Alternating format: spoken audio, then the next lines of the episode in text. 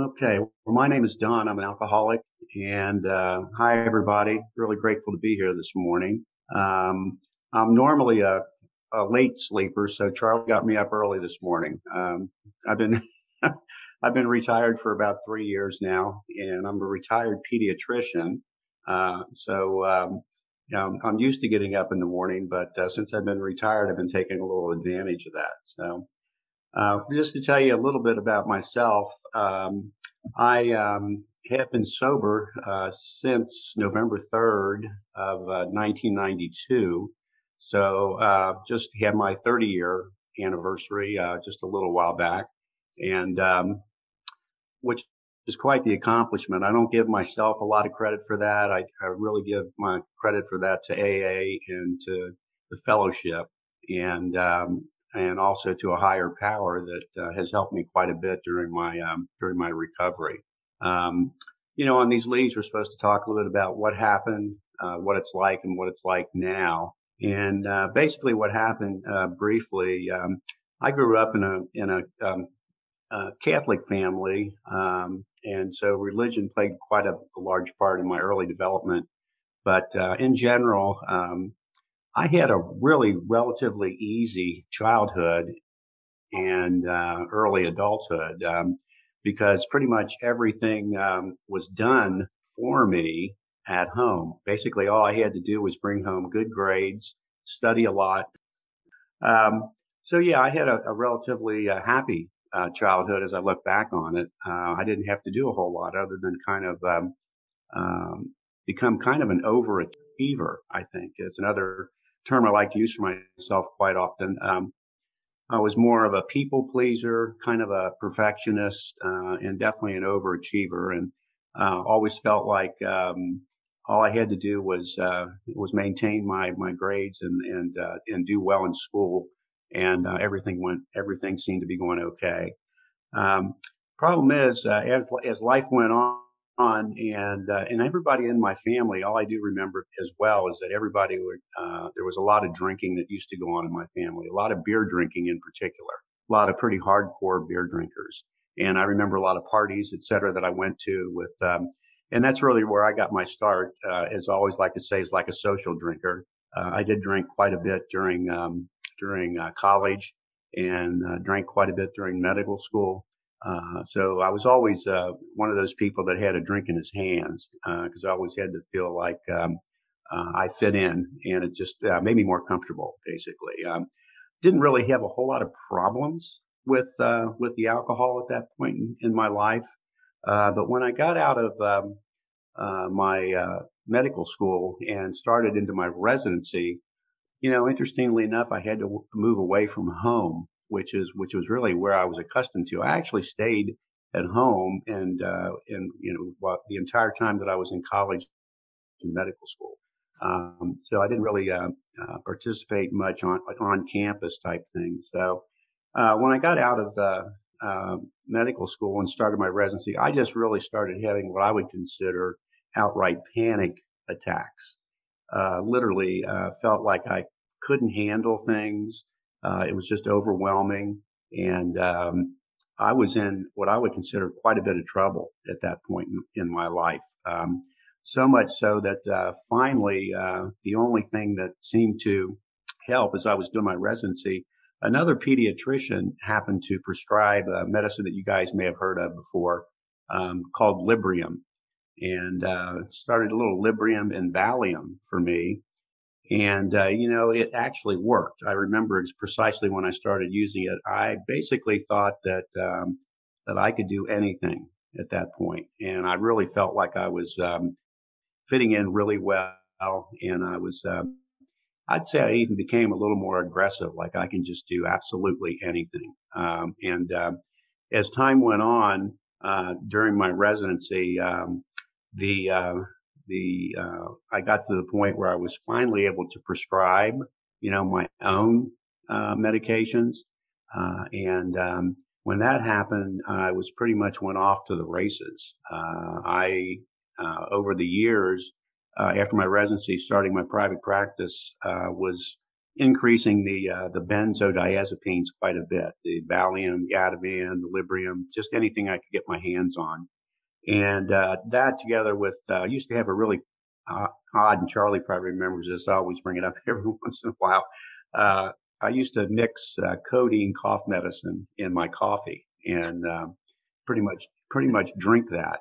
Uh, quite honestly, all all day long, all day long. And um, so I had a little mixture going there. And I do remember when I got home after after being at work all day, I did like to uh, enjoy quite a few different liqueurs. Um, and of course, I continued my beer drinking, but the liqueurs actually started tasting pretty good as well. And uh, I used to just basically do all all three of those in combination. So, uh, as time goes on, we were my wife and I were uh, were due to have our first child, and uh, all of a sudden, I thought I'd like to see if I can get uh, sober. So I actually went into, and I don't know if I'd mentioned this in my caduceus group, but I actually was in treatment in 1981 or thereabouts, 1980, I believe, at the Mayo Clinic, and uh, I was gone for about 30 days into rehab. Got back out, and nobody was monitoring me. Nobody was paying any attention to me. So I just didn't get it at all. I heard about AA at that point, but really no, nothing, nothing that I really grabbed onto. So as time went on um, in my addiction, I really started to have a lot of, uh, a lot of, lot of problems, a lot of circumstances coming up and um, stuff that's happening to me because of my addiction. Uh, the main thing that comes out is that um, I was falling asleep at the wheel quite a bit uh, when driving and um, did have a really bad accident uh, one morning. I was on the way to work after I had taken my drugs and and was uh, and and the coffee coffee of course that I was drinking as well. Crossed over the uh, interstate and head on into a couple cars and a truck, and um, managed God only knows how managed to get out of that somehow alive without hurting anybody else. And you would think that would be enough to to kind of wake me up a little bit. And, um, but I do remember that the main thing I was thinking about after the accident was I had to find out where my pills were. Uh, I wanted to make sure I still had my, my pills and, uh, and that kind of thing. So it really didn't, really didn't slow me down very much. Um, so anyhow, as time went on, you know, I was as a practicing pediatrician, um, still practicing. I felt like I was practicing, of course, very well because, uh, you know, I felt like I could just do about anything. Um, got to a point where I actually had, believe it or not, actually had to pass a drug screen um, for an insurance policy, and and I do remember I was going absolutely berserk, um, trying to come off of this stuff, and um, had a little fall in the bathroom, and finally got to the point where I needed to get into. I really needed help. I really needed help, and um, there was an organization for professionals and doctors called OPEP in, in Ohio. And I managed to call them and they sent me away to treatment. And, um, I was in uh, treatment, uh, on and off, uh, uh, a couple of times actually. Uh, the first time I went in, I was in for about three and a half months, uh, came back out and, um, was very kind of still down in the dumps, not getting anything and got to a really distraught situation. And I really started thinking about hurting myself and actually went ahead and, and tried that.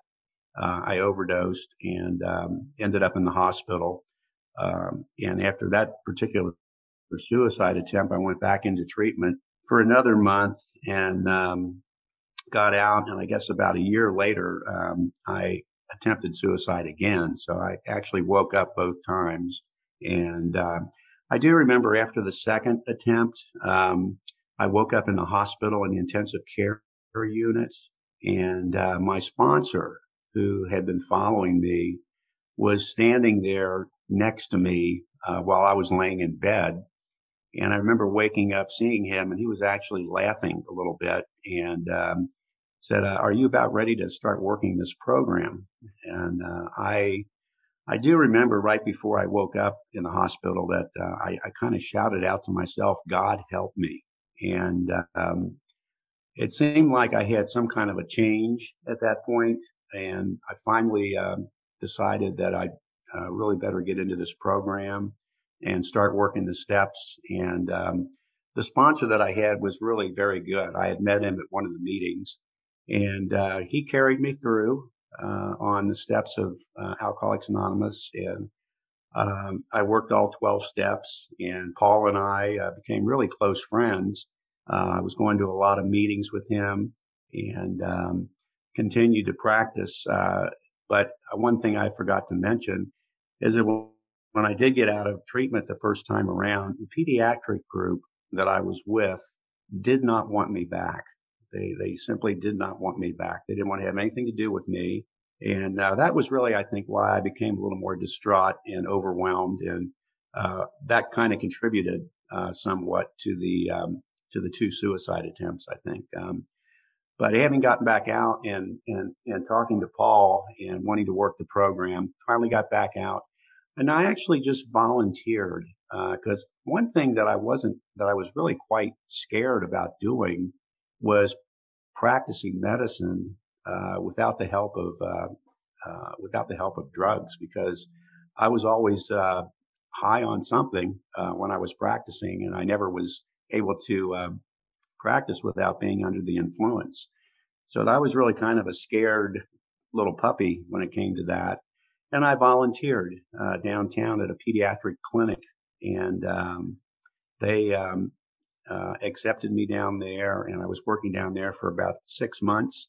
And all of a sudden, I thought to myself, "Yeah, I'm, you know, I'm really doing well. I'm actually working. I'm not under the influence, and um, things are seem to be going okay. So I think I'll, I'll look for another group." And I, I found another pediatric group and uh, ended up working for them for, for another 25 years um, uh, until I retired. Um, I do remember when I started in that second group, they uh, I told the, the head doctor in the group he knew all about me, knew about my past, and um, still was willing to give me a still was willing to give me a chance. Um, and I had pretty much done what the medical board wanted me to do uh, through the OPEP program. Uh, I was monitored uh, constantly, had to drop off urines and um, was under contract, uh, I think, for a total, turned out to be a total of about 10 years altogether. And I'm looking back on that, I think that really did help me, especially initially, uh, to stay sober um, because I knew I was being monitored and I knew I had to drop off the urine whenever they whenever they requested one. So I think that in the long run, I think that did help me in my recovery. Um, so I think today, um, you know, this program is um, really means a lot to me. I think looking back at it, my higher power, um, who I choose to call God, my higher power, um, I never really did get back into the Catholic religion part of it. Uh, haven't really gone back into church per se. But uh, since I've been out, I kind of found uh, what I think um, is uh, some good spirituality in the program. And um, I think looking back, my higher power's been with me at least on uh, three or four occasions that I can remember. Um, Charlie, I know Charlie is, is well aware of my two suicide attempts, and uh, I had another attempt. Like I said, I managed to uh, live through that uh, accident crossing over the highway. And just recently, and I still have a little uh, thing around my arm here and my my wrist um, I was uh, bringing a gate upstairs at home and uh, got about halfway up the steps and uh, lost my balance and fell backwards completely down the steps and hit my head. And really, I was kind of dazed for, uh, I would say, at least uh, a half hour, not even knew where I was. And uh, even with that, um, managed to come through that with just a, a few fractured bones in my hand and um, you know, because very easily could have broke my neck. I could have um, uh, had a, a, head bleed or just about anything happen. Could have been dead really from that fall. So, so there are at least um, uh, four situations where um, you know things could have turned out a lot different. So I think my higher power has been kind of keeping an eye on me uh, throughout my recovery, and um, and I feel like um, I'm to the point where no matter what comes up, uh, I think I can make it through to the other side. I always try and play the play the tune through. I do have situations, even being uh, sober for 30 years, about um, you know, on a, on a hot afternoon at a, at a baseball game, uh, why not have a beer or two? Um, and the thought, the thought definitely, uh, comes over my mind and I definitely think about it, but it's uh, pretty transient and, um, I kind of play it through and I, I think, uh, I definitely don't want to go back to, um, to the way it was. Uh, I wasn't, uh, wasn't a very happy camper and life just wasn't any good. So I always managed to play the, play the tape through and, um, find that, um, you know, as long, long as I do what, uh, what my sponsor wants me to do and I just, um, stay in touch through the fellowship of, uh, AA, uh, things have gone, uh, things have gone really, really very well. I did end up retiring, uh, from pediatrics, um, about three years ago and, um, I was ready to retire. I actually turned 70 at that point and uh, I retired really right before the pandemic. So uh, luckily, that was a pretty good time to retire, as it turns out. Uh, and I think since I've been retired, again, things are going well. Um, my wife uh, and I are still getting along, although at times it's a pretty rough relationship.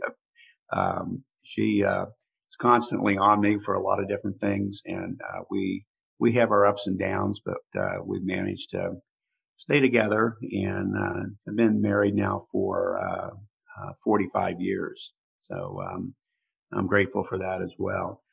One thing I do want to mention um, before I open it up or anything, um, wanted to read just a little thing here from the big book, uh, one of my favorite passages, uh, if I can find it here.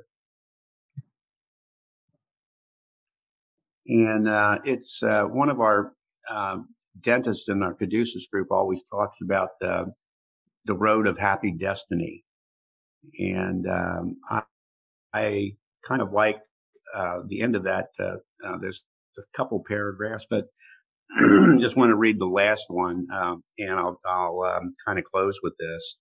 Um, here's basically what it says. Um, abandon yourself to God as you understand God. Admit your faults to him and to your fellows Clear away the wreckage of your past. Give freely of what you find and join us. We shall be with you in the fellowship of the Spirit, and you will surely meet some of us as you trudge the road of happy destiny. Uh, may God bless you and keep you until then. And I, I do like that um, that road to happy destiny. Uh, it kind of fits in for me, and I try to read that every day. And uh, as far as the program, I try and do my meditation every day and um, just kind of keep uh, spiritually fit. Um, you know, I mentioned uh, drinking drinking beer or something like that earlier, but um, I really um, I think I can generally do pretty much uh, anything that I like to do. Uh, I, I, tend I do tend to go out socially. I have friends. Uh, the program has has kept me in touch with my friends that a lot of friends that I used to drink with uh, pretty heavily.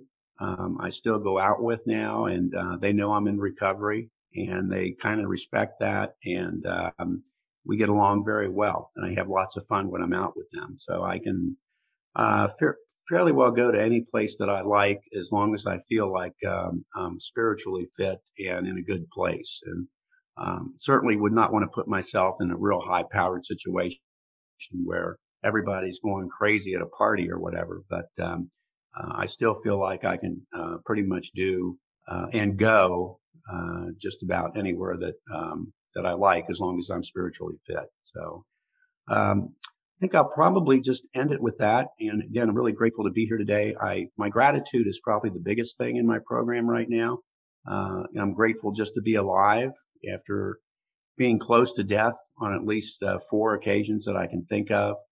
Uh, I'm grateful for the program, grateful for the fellowship, and um, I have no intentions of uh, doing anything else at this point in time. I take things one day at a time. It's one thing my sponsor always uh, used to tell me all the time: just take it one day at a time, and things are going to work out. No matter if they look terrible, it's not, it's going to be okay. And uh, keep uh, trudging forward on that um, on that road of happy destiny. So that's all I have. Um, thanks for listening. And um, Charlie, I'll, I'll give it back to you for the time being.